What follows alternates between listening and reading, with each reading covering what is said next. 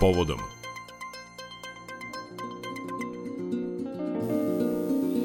10 sati, 10 minuta, na redu je rubrika Povodom u našem prepodnevnom programu Radio Novog Sada, u kojoj govorimo, najpre podsjećamo na to da su iz Španije stigle prve reproduktivne ćelije koje su uvezene u trošku države krajem januara, tačnije 24. i 25. januara.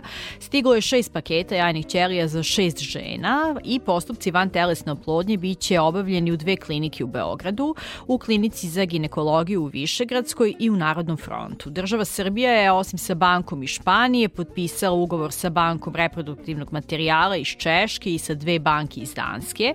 Zašto je to važno, objašnjava Sanja Radojević-Škodrić, direktorka Republičkog fonda za zdravstveno osiguranje. Zašto je to važno? Zato što parovi i single žene mogu da biraju iz koje banke će da uzmu reproduktivni materijal. Takođe mogu da biraju neke od karakteristika. Zašto kažem neke od karakteristika? Zato što ne dozvoljavaju sve banke da se biraju sve karakteristike. Naprimer, najčešće se bira starost, e, visina, boja kose, očiju i tako dalje. Takođe mogu da biraju u kojoj klinici u našoj zemlji će da se radi proces van telesne oplodnje. Do sada je država skopila ugovor ugovor sa sedam državnih i 15 privatnih i to je novina, zato što smo do ove godine imali 13 privatnih klinika, tako da je zaista lepo što imamo sve veći broj privatnih klinika. Pravo na uvoz reproduktivnog materijala o trošku države imaju sve osobe uh, starosti do 45 godina, ukoliko nemaju uh, decu ili nemaju postojići zajednici decu. Takođe imaju pravo single uh, žene, dakle žene bez partnera koje nemaju decu da, za uvoz reproduktivnog materijala. Da, čuli smo Sanju Radojević-Škodrić, direktorku Republičkog fonda za zdravstveno osiguranje. Nastavljamo e, priču o ovoj važnoj temi za van telesnu oplodnju doniranim janim ćelijama i spermatozoidima koji se uvoze iz inostranstva. U Srbiji je moguće prijaviti se putem interneta. Potrebno je popuniti kratak upitnik na portalu e-uprava. E, kakva je procedura za prijavljivanje, koliko je zainteresovanih i kako protiv predrasuda o van telesnoj oplodnji za povodom govori konsultantkinja za vantelesnu oplodnju Sandra Jovanović. Sandra, poštovanje i hvala vam što ste u našem programu putem telefona. Hvala vama puno na pozivu. Procedura prijavljivanja je preko e-uprave i kako nas svi uveravaju zaista je vrlo jednostavna. Možda da nam ukratko približite taj postupak, koliko je zahtevan?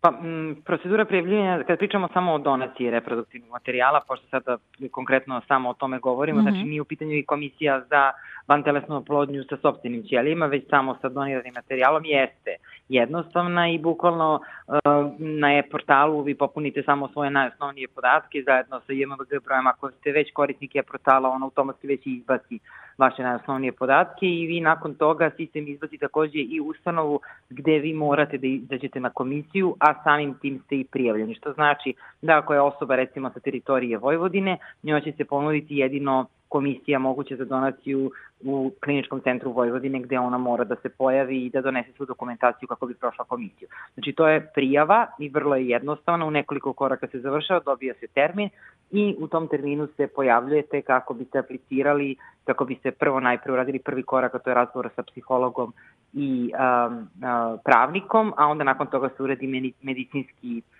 izveštaj, uopšte medicinske provere vaših mogućnosti za proces sa doniranim materijalom. Nakon toga se dobija rešenje i vi ste uh, pritom ste naravno izabrali kliniku za vantelesnu oplodnju, vi ste tu završili postupak sa komisijom i onda vas nakon toga kontaktira sama klinika koju ste odabrali gde ćete započeti proces sa, sa, don, sa doniranim ćelijama.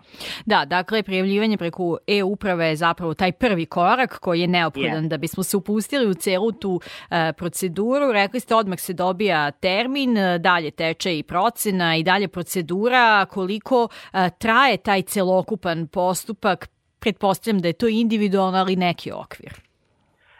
Pa ako mislite na samo prikupljanje dokumentacije ili mislite na generalno komisiju i uopšte da kažem, uopšte ceo postupak mislite? Uopšte ceo postupak i prikupljanje podataka od momenta prijavljivanja pa do momenta kada dobijemo uh, zapravo termin da, da se uđemo u postupak van telesno plodnje. Pa ne bi trebalo da to traje duže od mesec dana, sve zajedno koliko su sve uh, svi uslovi ostali ispunjeni, znači ako su analize sve u roku važenja i tako dalje, zajedno sa tim terminom mesec, mesec i po dana, sad se termini već polako popunjavaju, tako da pretpostavljam da ono što poslednje informacije koje imam da se, da se čekalo do mesec dana za sam termin, a onda nakon toga koliko će se čekati na samu proceduru, znači na sam početak uopšte procesa sa, sa doniranim materijalom, to je već nešto drugo. Mm -hmm. Znači uopšte prolaza komisije je nešto što da kažem nije tako zahtevno, međutim kasnije slede mnogo koraka koje treba neko da uradi, uvoz tog reproduktivnog materijala, početak procedure, znači koliko je preko fonda čekamo plaćanje, nakon toga da je fond izvršio plaćanje, znači sve to ima, iziskuje dosta koraka, naravno pacijent nije tu vezan za sve te delove, ali generalno ima čekanja i nakon završene komisije i pozivnog pisma koje se dobije kad se odabere klinika. Da, važna stvar je, to smo spomenuli, da žene imaju pravo izbora na kojoj klinici će raditi postupak van telesne oplodnje, koliko klinika je u ponudi? Pa e, trenutno ima više od 15 klinika privatnih u ponudi i 7 e, državnih klinika, tako da mislim ne više nego tačno 15 privatnih klinika i 7 državnih i na svim, u svim tim ustanovama se mogu, može uraditi proces preko fonda sa doniranim materijalom, tako da izbor je svakako na pacijentu, na onome što on želi, na onom m, prosto da sami odaberu gde će raditi, tamo će istići materijal, tamo će biti cela procedura, znači preko fonda oni mogu da biraju apsolutno kliniku. A, donori čiji se materijal koristi, oni su morali da ispune brojne kriterijume, analize, pa bih volela i to da pojasnimo da ne bismo imali različite dileme oko zdravlja ljudi čiji je materijal uvežen, šta sve treba da osoba proće da bi se našla na listi donora? Pa, znate kako, to zavisi zaista od, kako da objasnim, prvo od banke preko koje se uvozi materijal. Mi trenutno u Srbiji imamo sklopljen ugovor, tačnije fond je sklopio ugovor sa četiri banke reproduktivnih ćelija, od toga je jedna banka iz Španije, dve banke su iz Danske, a jedna četvrta banka je iz Češke.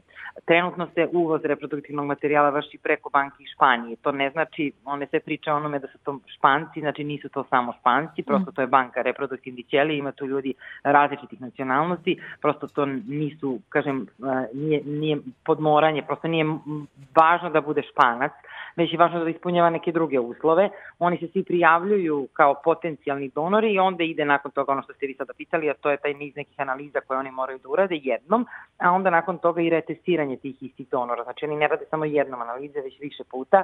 Jedna od osnovnih analiza, naravno analiza na infektivne bolesti se rade, reproduktivni potencijal, analize na genetske bolesti uopšte, znači to su takođe analize koje oni moraju da urade, ove, onda krv, krvna grupa, to su isto, tako, isto osnovne stvari. Znači, postoji niz stvari koje oni u koracima moraju da rade kao analiziranje opšte potencijalnog donora i kad se urade te analize, oni se pojavljaju na listi potencijalnih donora koje mi iz Srbije odavde možemo birati. Tako da tek nakon završenog tog procesa njihovog, koji propisuje prosti njihov zakon, onda oni mogu da budu, da budu donori. E onda mi odavde, recimo iz Srbije ili iz ostalih zemalja, pošto je to banka koja kako da kažem, radi i sa drugim zemljama. Ovaj, u tom slučaju onda mi naručujemo materijal odavde od određenog donora i on stiže kod nas. Ovaj, da li će se sve jajne ćelije kada je žena u pitanju oploditi, da li će se dobiti beba, to je već neko drugo pitanje. Kad, je, kad su u pitanju spermatozoidi i single žene koje najčešće ulaze u taj proces ili parovi sa problemom azospermije, onda u, tom, u, toj, u, tom, u takvim situacijama je nekako da kažem sigurnija varijanta jer muškarci na sreću njihovu imaju mnogo više ovaj potencijala da, da, da, da kažem njihov materijal, bude bolji.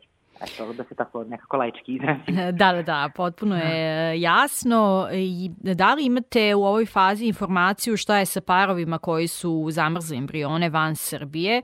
E, nije bilo drugačije opcije. Hoće li moći da prebace embrione u Srbiju i da nastave ovde postupak? Da li se nešto o tome zna sada u ovoj fazi? Mm, pretpostavljam da me pitate vezano za prebacivanje embriona i uopšte reproduktivnog materijala preko fonda kod nas. Tako je. Znači, Da, znači to je, ostala je to kao najava, ja se nadam da će to biti moguće, ali to je zaista logistički prilično, prilično teško, jer uh, sve ove godine unazad dok su ljudi prosto morali da idu u inostranstvo da rade procese sa doniranim materijalom, oni su išli u različite klinike, u različite zemlje i jeste tu Češka negde bila možda prva, ali su ljudi odlazili kako na Kipar, tako i u Grčku, znači u mnoge, mnoge zemlje po Evropi ima zaista dosta embriona i ne samo embriona, već reproduktivnog materijala našeg po Evropi. Da bi se to logistički sve organizovalo da taj materijal dođe ovde od Trosko fonda, mislim da će biti potrebno mnogo vremena da prosto saglasimo kako će se to raditi, shodno tome da je to jako, jako skupa procedura, znači nije to jednostavno prebaciti prvo mm -hmm. zbog zakonskih regulativa, a s druge strane prebacivanje tog materijala nije, nije jeftino. Um, tako da u ovom trenutku je to samo najava, ja se nadam da će to biti rešeno u nekih par meseci, da prosto se nađe neki način kako će se to raditi, ali tada u ovom trenutku o trošku fonda parovi prosto ne mogu da, da prebace o trošku fonda materijala ovde. Da. A mislim da će biti, a sad kada tačno ne bih znala da kažem u ovom trenutku, ja se nadam da će to biti što pre. Da, kada bude izvesnije, naravno otvorit ćemo ponovo ovu temu u javnosti. E sad što se tiče uopšte prisustva teme u javnosti, tema donorstva van telesne oplodnje jeste prisutnija u medijima, međutim i dalje postoji neinformisanost, neznanje, pa samim tim i brojne predrasude. I u sve što je urađeno, mislim da predstoji veliki posao edukacije stanovništva. Koliko je to zahtevno? Dakle, koje su najčešće predrasude koje postoje? Ja mislim da je to ubedljivo najzahtevniji ovaj, proces koji m, zahteva sistematski prilaz uopšte svemu ome ko su ljudi kojima su neophodne reproduktivne ćelije koje dobijaju uz pomoć donora, znači ko su ljudi koji prolaze te procedure, zašto to njima treba da bi ljudima možda bilo jasnije koliko je neophodna bila ova procedura. I još jedna vrlo važna stvar Mm, i da mi nismo sada započeli donaciju hipotetički u ovom trenutku, da je nismo pokrenuli preko fonda, ljudi bi prosto odlazili u te zemlje i radila bi se donacija. Znači, ne bi to zaustavilo sve te parove i sve te žene da one ne urade tu proceduru. Ovo je sad samo lakše i jednostavnije da urade u svojoj zemlji. Znači da mnogo je neznanja svakako počeo od toga šta znači donirati reproduktivnu ćeliju, pa do toga da ljudi misle da je to jednako kao i donirati bubre, kao i donirati organ, to prosto nije isto. Drugo, prosto ne postoji ni znanje da ne može svako da donira m, svoj materijal i da nije to, eto, poželim i sutra da ću to odraditi.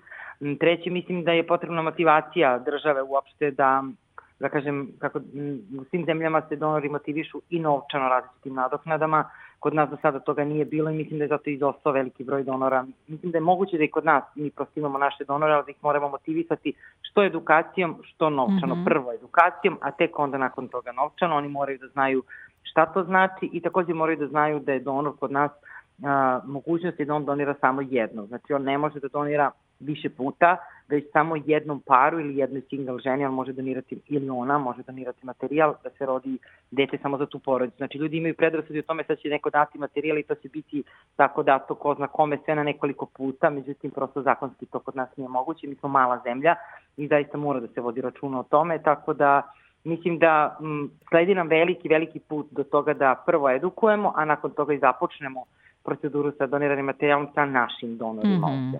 A kada govorimo iz druge perspektive o ljudima koji su primaoci, mislim da tek tu ne postoji dodatno in, ove, in, in, informisanosti uopšte o samoj proceduri. Često se nailazi na osude ljudi. Mislim da 99% ljudi koji su a, prošli proceduru donacije i dobili decu iz, iz donacije, neće reći da je dobilo iz, don, iz doniranog materijala zbog straha i od osude društva. Tako da o tome treba kao društvo da razmišljamo zašto to ljudi ne žele da kažu, ovaj, jer u suštini oni bi želeli, ali se plaše upravo toga kako će neko gledati na to dete. Da, i dalje je tema tabu i onda povoči za sobom e, mnoga pitanja i predrasude, nažalost. E, međutim, možemo li očekivati da će evo sada posle ovih ugovora ipak prisutnije, tema je prisutnije u javnosti, e, da li možemo e, nekako očekivati da će možda porasti interesovanje i za donorstvo u našoj zemlji? Pa ja mislim da hoće, ali ponovo vam kažem, mislim, osim te edukacije koja je zaista važna da se uradili ciljano, ne svima, nego mislim da je potrebno edukovati mlade ljude koji mogu da budu donori i koji po zakonu prosto jedino i mogu da daju svoje reproduktivne ćelije. Znači, mislim da je to prvi korak i to treba da bude onako jedan sistematski prijela svemu tome, a mislim da nakon toga, ukoliko se ponudi ta nadoknada, da će biti sigurno zainteresovanih. Ja imam dosta, dosta informacija, u kontaktu sam godinama sa ljudima koji su u ovom problemu i znam da postoje ljudi dobre volje, puni altruizma koji bi želeli da pomognu, ali da takođe mora za njih postoji osim edukacije, osim naravno i te novčane nadoknade, jedan jasan jednostavan put gde oni mogu da doniraju materijal i kako da oni to urade, kako je njihovo angažovanje potrebno, koliko je dugo to angažovanje, da li će to biti preterano veliko angažovanje, tako da mislim da taj jasan, jednostavan put za donora jeste rešenje, pored edukacije naravno i novčane nadoknade, da bi na taj način sigurno sam i naša banka imala i sobstvene donirane ćelije u smislu ćelije koje su od naših donora. Mislim da to nije nemoguće, da. ukratko da. da vam kažem, eto mislim da to uopšte nije tako nemoguće ovaj, i, i da sigurno sam da je moguće, samo eto još malo nek, nekih sitnica da ispravim. Da, što se tiče te finansijske nadoknade koju spominjete, e, da li postoji mogućnost sada za to prema važećim zakonima ili treba menjati regulativu u tom kontekstu? Pa, prema trenutnom zakonu ne postoji jer je vrlo jasno da to mora biti iz altruizma, mora se naći rešenje, ali samo da vam kažem, ja sam često pričala o tome, nije jedna zemlja u Evropi nema jasno naglašeno u zakonu da je moguće nekom uh, dati nova zato što je on donor. Znači sve zemlje su nalazile neki, neko rešenje za to kako će se ta nadoknada isplatiti i na osnovu čega. Tako da, ako je nešto donorstvo, onda je ono po automatizmu iz altruizma, je li tako? I prosto mora da se nađe i neko rešenje za to kako da oni dobiju određenu nadoknadu koja neće biti prodaja njihovog reproduktivnog materijala, već će to biti, da kažemo, onako, jedna nadoknada za njihovo zalaganje i za njihov trud i uopšte izgubljeno vreme, jer oni zaista ne mogu da svoj materijal daju tek tako što će mm -hmm. jednom doći u bilo koju bolnicu, već imaju mnogo, mnogo koraka do toga da bi uopšte mogli da daju materijal. Tako da mislim da je bez nadoknade prosto nemoguće i da, moraće da se menja zakon koji trenutno ima. Da, e, vola bih još da porazgovaramo ukratko i o e, psihološkim izazovima, zato što ceo postupak van telesne oplodnje jeste izazovan za buduće roditelje. Da li se e, vodi računa u tom psihološkom aspektu, zapravo koliko je e, važna psihološka podrška u tom procesu i e, uopšte upuštanje u celu ovu priču? Pa mi smo se sad i u toku ovog razgovora negde dotakli isto od te teme uopšte toga koliko društvo osuđuje, koliko to generalno i utiče na sam i parove i uopšte single žene. Zamislite koliko je psihološka potrebna, e, podrška potrebna ženi koja je sama i koja želi da uđe u proces sa doniranim materijalom, kako društvo gleda na to i koliko je njoj neophodno da neko razume zašto ona to želi. Mislim da na svakom nivou treba da postoji takva psihološka podrška, počev od e, generalno društva koje razume, pa onda kad to stavimo na neki nivo, znači do uh, samih prijatelja, klinike koja to radi, ljudi koji kasnije će biti u kontaktu sa tom osobom, znači nije psihološka podrška trenutak jedan, već bi trebalo to da bude na sled više događaja i više faktora. Uh, svakako mislim da nedostaje, naravno, i generalno ljudi koji su uh, koji se suočavaju sa problemom neplodnosti, njih najbolje mogu da razume ljudi koji su takođe u tim postupcima, ovaj, koji imaju sličan problem ili su imali sličan problem, lekari, psiholozi iz klinika, znači to su ljudi koji su već involvirani u sam proces i nekako lakše će razumeti, dok ljudi koji, ne, koji su lako ostvarili trudnoću zaista hvala Bogu pa to ne mogu da razumeju, ali u tom trenutku baš uh, se dešava najčešće da su ljudi zapravo povređeni, vrlo često se dešava da nam neko kaže ne znaš ti nisi roditelj ili saznaćeš kad budeš mm -hmm. bila majka ili prosto ne, zo, ne zovemo te prijatelje da dođu na veći rođendan zato što oni nemaju dece, znači nekako na, neki, na jedan onako uh, možda indirektan način te ljude više zaboli sve to, ovaj, jer prosto teško proživljavaju nemogućnost da dobiju dete, Uh, eto, samo se zapitajte koliko je m, teško nekom ko jako želi dete godinama, trudi se, možda ne želi da priča o tome, ovaj, a vi ga dodatno izopštavate iz društva zbog toga. Tako da mislim da svi zajedno treba da radimo na tome, da razumemo prvenstveno te ljudi i moj savjet je uvek bio, ako ne želite da pitate i da pričate sa tim ljudima dugo o tome i da ih razumete, onda nemojte uspud da ih pitate jeste bili skoro na van telesnoj oplodni, šta, dok ste sad stigli, nije to pitanje u skaficu na brzinu, već je zaista tim ljudima potrebno da pričaju sa nekim o tome ko ih razume. Da, zaista kompleksno pitanje, empatičan pristup i nekako jeste važno uvek da, da pošaljemo svim tim ljudima poruku da nisu sami, da smo tu, da razumemo, naravno i stručnici i stručnjakinja, ali eto i to što ste vi rekli, e, mi iz neposrednog okruženja i onda bih volila, mada ste već delom odgovorili na to pitanje, ali bih eto možda volila da zaokružimo za kraj, s obzirom na to da ste i vi imali lično iskustvo van telesne oplodnje, šta bi bio najbolji savet, šta ne pitati ženu, a s druge strane šta pitati i kakvu a, poruku poslati, šta bi volela da čuje žena koja se nalazi u, u, u tom procesu? Pa svakako ne bih čula, volala da čuje onu rečenicu opusti se, desit će se, to je sigurno. Ovaj, ne, ne voli da čuje dodatne savete i di kod ovog popi ovaj čaj i di kod ovog vidara i tako dalje. To su neke stvari koje svi mi prođemo već kroz to samostalno i nije nam potrebno da nam neko drugi daje da nas usmerava. Rekla sam već malo predelimično, evo sad ću još jednom ponoviti, zaista nije usputno pitanje da nekog pozove telefonom kako si, šta radiš i jeste bili skoro na van telesnoj plodnji, da li planirate, jer za to treba vreme i prosto osoba koja koja želi da vas sasluša. Najbolji savjet je da sa tim ljudima pričate, da kažem, prijateljski, da im dopustite da vam objasne kroz šta oni prolaze, da vam bude jasno da im je podrška zagrljaja i toga da ste vi tu uz njih stalno mnogo bolja nego vaša rečenica opusti se i desit će se. Mm -hmm. Ove, ovaj, tako da bolje nekog zagrliti i reći da jesi uvek tu, nego um, opusti se, samo će se desiti to od sebe, nemoj da toliko želiš da kontrolišeš svaku situaciju i malo, samo eto vidiš kako su ovi, vidiš kako su oni dobili dete, znači to su neke situacije kroz koje ili možete uvek da ustojite. Eto, to je isto jedna loša rečenica koju često ljudi govore, ovaj, a zaista, kako da vam kažem, ne postoji par koji nije razmišljao o usvajanju, a, ne, a ima problem sa začećem. Svi smo mi razmišljali i o tome, tako da nisu nam neophodni takvi saveti, tako mm. ovaj, to hoću da kažem. Eto. Ali onako i jedno, jednostavno prijateljstvo i ljubav, naravno, ja sam uvek potencijala na tome da je ta ljubav, partnerska ljubav vrlo važna ovaj, i zaista mislim da samo uz jaku podršku jednog i drugog, ako je u pitanju par, može da se prođe ovaj proces.